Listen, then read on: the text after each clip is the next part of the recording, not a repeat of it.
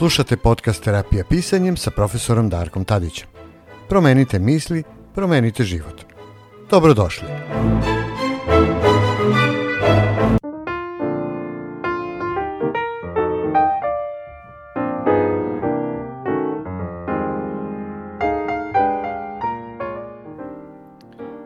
Vuk dlaku menja, ali čud nikad.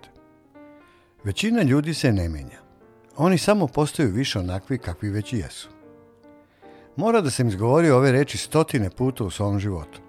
Klijentima, porodici i prijateljima. Iako postoje izuzeci, većina ljudi je promjena teška iz nekoliko razloga. Oni sebe ne poznaju baš dobro za početak. Malo ljudi ima tačan pogled ko su i stoga ne prepoznaju aspekte koji bi mogli da poboljšaju. Većina ljudi želi da veruje da su dobro izbalansirani, pa čak i izuzetni na mnogo načina. Koliko vaših prijatelja bi sebe opisali kao kreativne, talentovane ili inteligentne? Znate li nekoga ko bi vam rekao ja sam samo prosječan? Svi želimo da mislimo o sebi kao o posebnim i nadarenim. Zatim postoji ljudska sklonost da objasni svoje poteškoće, nedostatke i neuspjehe okrivljavanjem nekog drugog. Osvrnite se oko sebe na ljude koje poznajete. Koleginica koja je nemarna i lenja, ali krivi za svoje loše procjene zahtjevnog šefa ili kolege koji rade sa njom. Rođak koji vam se uvlači pod kožu jer u svakoj priči koju ispriča sebe prikazuje kao žrtvu.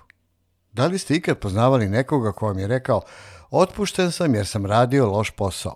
Ili mnogo loših stvari se dogodilo u mom životu zato što donosim toliko impulsivnih loših izbora. Malo ljudi je spremno da prihvati da su njihove sobstvene karakterne osobine i izbori glavne determinante vrste života koje su dovele do toga da žive onako kao što žive sada. I konačno, ostvarivanje promjena uključuje naporan rad i teške izbore. Čak i kad steknete uvid u svoju pravu prirodu, onda morate nešto da uradite povodom toga. I to iznova i iznova. Ovo je jedno od najpogrešnijih pitanja za pacijente koji ulaze na neku vrstu terapije bilo koje, psihološkog savjetovanja, savjetovanja sa duhovnikom, neku vrstu help selfa ili samopomoći i tome slično. I konačno stvarivanje promjene uključuje naporan rad i teške izbore. Čak i kad steknete uvid u svoju pravu prirodu, onda morate nešto da uradite povodom toga. I to stalno, iznova i iznova.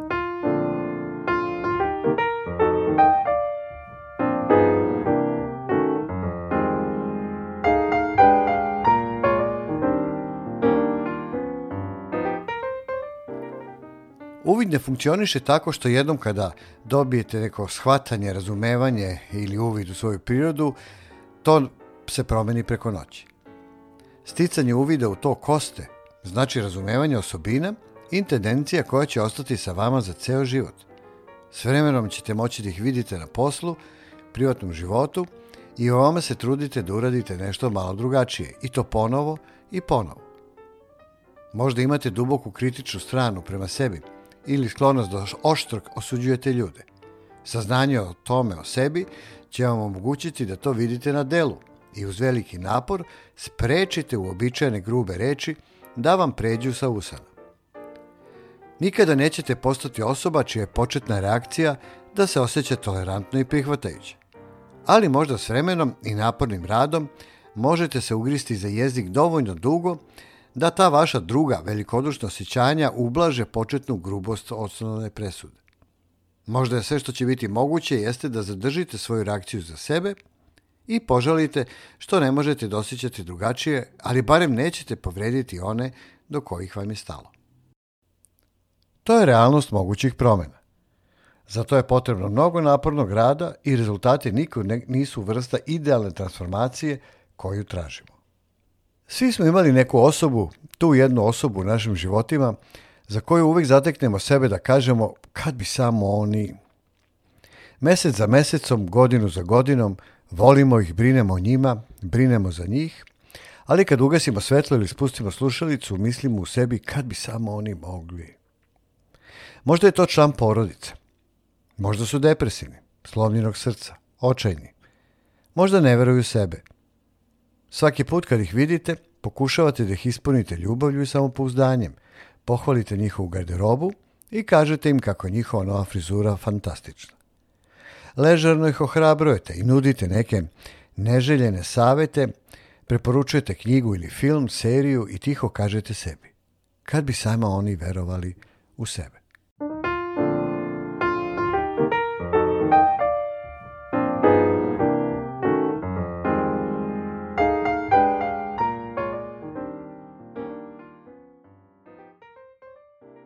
Ili je to možda prijatelj. Možda ga vidite kako je stalno neutešno zaljubljen. Previše pije. Vara svog partnera. Troše sav svoj novac na neobičan ali obsesivan hobi ili su postali kupoholičari. Povlačite ih u stranu i tešite ili ohrabrujete kao što bi prijatelji trebalo da rade. Možda ponudite nešto novca, možda im čak date zajam ili dva. Umeđu vremenu u podsvesti stalno razmišljate. Kad bi samo hteli, mogli da se promeni. Možda je to vaš muž, žena, dečko, devojka. Ili još gore, to je vaš bivši muž, žena, dečko ili devojka. Možda je već u vama sve gotovo, ali se i dalje držite nade da će se oni nekako promeniti. Da postoji neka posebna informacija koju su propustili, a koja bi sve promenila. Možda im stalno kupujete knjige koje nikad nisu pročitali. Možda ih odvučete kod terapeuta kod kojeg ne žele da idu. Možda pokušate da ostavite govornu poštu u suzama u dva ujutru vičući zašto ja nisam dovoljan tebi. Da, kao da je to ikad zapravo stvarno funkcionisalo. Svi imamo tu osobu u našim životima. Voleti njih boli, ali gubitak njih također boli. Dakle, odlučujemo. Jedini način da spasemo ovu emocionalnu katastrofu je da ih nekako promijenim I sebi kažemo, kada bi samo oni... U mnogim mojim radionicama pisanja kao terapije, bar jedna osoba bi postavila pitanje ili ponudila dugo objašnjenje svoje zbrkane situacije i završila sa sljedećim. Kako da ga nju ili njega nateram da se promeni? Kada bi samo uradili to i to, stvari bi bile bolje. I moj odgovor u svakoj situaciji bio isti. Ne možete. Ne možete naterati nekog da se promeni. Možete ih inspirisati da se promene. Možete ih obrazovati ka promenama. Možete ih podržati u njihovoj promeni. Ali ne možete ih naterati da se promene. To je zato što naterati nekog da uradi nešto, čak i ako je to za njihovo dobro, zahteva ili prinudu ili manipulaciju. To zahteva da se interveniše u njihovom životu na način koji predstavlja kršenje granica i stoga će oštetiti vezu u nekim slučajevima mnogo više nego što će pomoći. Ova kršenja granice često ostaju neprimećena jer su učinjena sa dobrim namerama.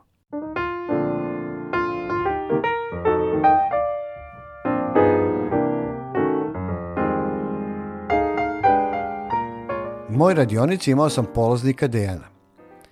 Dejan je izgubio posao. Dejan leži na maminom kauču, slomljen i svaki dan se sažaljeva. Dakle, mama počinje da popunjava molbe za posao za Dejana. Mama počinje da viče na njega, proziva ga i osjeća krivicu što je takav gubitnik. Možda će čak da baci njegov kompjuter kroz prozor kao vaspitnu meru, samo da bi mu dala dodatnu motivaciju. Iako su majčine namere dobre – i dok neki to čak mogu vidjeti kao dramatično plemenit oblik istinske ljubavi, ova vrsta ponašanja se na kraju pretvori u suprotno. To je kršenje granica. To je preuzimanje odgovornosti za postupke i emocije druge osobe, pa čak i kad se radi u najboljoj nameri, kršenje granica kvari odnose. Razmislite o tome na ovaj način. Dejan se sažaljeva – Dejan se bori da vidi bilo kakav smisao u životu u ovom okrutnom bezdušnom cvetu. Onda iznenada mama dolazi i uništava njegov kompjuter dok bukvalno izlazi i traži posao za njega. Ne samo da ovo ne rešava Dejanov problem verovanja da je svet okrutan i bezdušan i da njemu nema mesta u njemu, već je to zapravo dodatni dokaz da nešto suštinski nije u redu sa njim. Na kraju krajeva da Dejan nije bio tako slomljen. Ne bi mu trebala mama, da izađe i nađe posao za njega, zar ne? Umjesto da nauči, slušaj, sve ti u redu, ja mogu da podnesem ovo. Lekcija je, o da, ja sam odrastao čovjek kome je još uvijek potrebna majka da uradi sve za njega. Znao sam da postoji nešto što nije u redu sa mnom. I to je ono što Dejan vidi, i to je ono što Dejan čuje, i to je ono što osjeća. Na taj način se najbolji pokušaj da se nekom pomogne često propadnu. Ne možete natjerati nekog da bude samouveren, da poštuje sebe ili da preuzme odgovornost, jer sredstva koja koristite da to uradite uništavaju poverenje, poštovanje i odgovornost. Da bi se osoba zaista promenila, mora da osjeti da je promjena njihova, da je ona izabrala, da je kontroliše. U suprotnom, gubi sav svoj efekat. Suština rada u radionicama pisanja kao terapije je da za razliku od većine autora samo pomoći, ja ne govorim ljudima šta da rade. Ne postavljam akcione planove sa koracima od A do Š, niti pravim desetine vežbi na kraju svakog poglavlja. Ali ja to ne radim iz vrlo jednostavnog razloga. Ne mogu da odlučujem šta je ispravno za vas. Ne mogu da odlučujem šta tebe čini boljom osobom. Čak i da sam odlučio – Činjenica da sam ti rekao da to uradiš, umjesto da to uradiš za sebe, oduzimati većinu emocionalne koristi. Ljudi koji imaju ovakve probleme traže nadahnuće u svetu samopomoći jer imaju hroničnu nesposobnost da preuzmu odgovornost za svoje izbore. Svet je pun ljudi koji su plutali kroz život tražeći nekog drugog, neku autoritarnu ličnost ili organizaciju ili skup principa da im kažu šta da misle, šta da rade – kako da se nose sa svojim životom i emocijama. Ali problem je što svaki sistem vrednosti na kraju zakaže. Svaka definicija uspeha na kraju se pretvori u ništa. A ako zavisite od nečijih vrednosti, onda ćete se od samog početka osjećati izgubljeno i bez sobstvenog identiteta.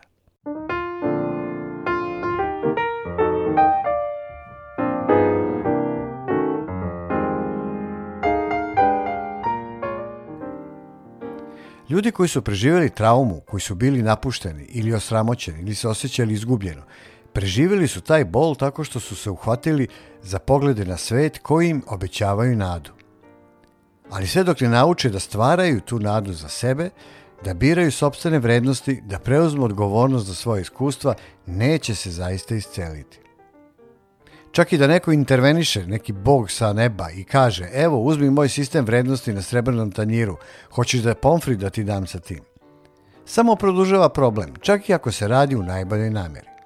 Svako ko je ikad napravio veliku promjenu u svom životu, primetio je da to ima efekat leptira na njihove odnose sa drugim ljudima. Naprimjer, prestanete da se opijate vikendom i da se zabavljate i odjednom se vaši prijatelji koji piju osjećaju kao da ih ignorišete ili da ste previše dobri za njih. Ali ponekad, samo ponekad, možda jedan od tih prijatelja sa zabave pomisli u sebi. Hm, da, vjerojatno bih i ja trebao da smanjim. I onda i oni izađu sa čamca opijanja vikendom zajedno sa tobom. Oni prave istu promenu kao i ti. I to nije zato što si se intervenisao i rekao čoveče, prestani da se opiješ vikendom, već jednostavno zato što si prestao da se nasvešćuješ po kafanama i to je postalo inspirativno i za druge. Umjesto da nekom dajete odgovore, dajte mu bolja pitanja. Jednom kad shvatite da nametanje sobstvenih odgovora nekome sabotira prednosti tih odgovora, jedina preostala opcija je da pomognete osobi da postavlja bolja pitanja. Umjesto da kažete, trebalo bi da se borite za povišicu, mogli biste da kažete da li verujete da ste pošteno plaćeni? Umjesto da kažete, morate da prestanete da tolerišete sestrina sranja, mogli biste da kažete, da li se osjećati odgovornom za sranje svoje sestre? Teško je postavljati ljudima pitanja. To zahteva strpljenje i muku da se misli i brigu, ali vjerojatno verovatno je zato toliko korisno. Kada plaćate bilo koju vrstu pomoći, u suštini plaćate samo za bolja pitanja. I zato neki ljudi smatraju da je neka terapija beskorisna jer su mislili da se prijavljuju za odgovore na svoje probleme, ali sve što su dobili bilo je više pitanja. Sljedeća stvar koju možete da uradite je da ponudite pomoć bezuslovno. Ovo ne znači da ljudima nikad ne možete dati odgovore. Ali te odgovore mora tražiti sama osoba. Postoji ogromna razlika između mene kad kažem znaš, znam šta je najbolje za tebe, a ti dođeš kod mene i kažeš šta misliš da je najbolje za mene. To je velika razlika. Čovjek poštuje vašu autonomiju i samoopredeljenje, drugi ne. Stoga često najbolje što možete da uradite je da jednostavno date do znanja da ste dostupni ako ste nekoj osobi potrebni. To je klasika. Hej, znam da trenutno prolaziš kroz težak period. Ako ikada poželiš da razgovaraš, javi mi. Međutim, to može da bude i konkretnije. Pre nekoliko godina moj prijatelj je prolazio kroz neka teška vremena sa svojim roditeljima. Umjesto da mu dam savjet ili da mu kažem šta treba da uradi, jednostavno sam mu ispričao o nekim problemima koji sam ja imao sa roditeljima u prošlosti, a za koje sam verovao da su slični. Cilj nije bio da nateram prijatelja da posluša moj savjet ili uradi ono što sam ja uradio, ili čak da ga bude briga za ono što mi se dogodilo. To je sve zavisilo od njega. Jedno sam, jednostavno sam davao ponudu. Stavljam nešto tamo. I ako mu je bilo na koji način odkoristi mogao bi to da iskoristi. A ako ne, i to je u redu. Jer kad se tako uradi, naše priče nose vrednosti izvan nas samih. Ne dajem mu ja savete, moje iskustvo daje perspektivu njegovom iskustvu i njegovo pravo da izabere i preuzme odgovornost za svoje iskustvo nikad nije nametnuto, već je negujuće i uvek se poštuje. Prava priča i perspektiva to je suština pisanja kao terapije. Jer na kraju krajeva svako od nas je sam u stanju da promeni sebe. Naravno, Dejane možda ima neki dobar posao i jedan kompjuter manje, ali dok se njegova samodefinicija ne promeni, dok se njegova osjećanja prema sebi i svom životu ne promene, on je isti stari Dejan. Osim sada sa mnogo frustriranijom majkom. Prema tome, pišite svoju priču. Počnite jedno duhovno putovanje i na to putovanje povedite sami sebe. Srećno!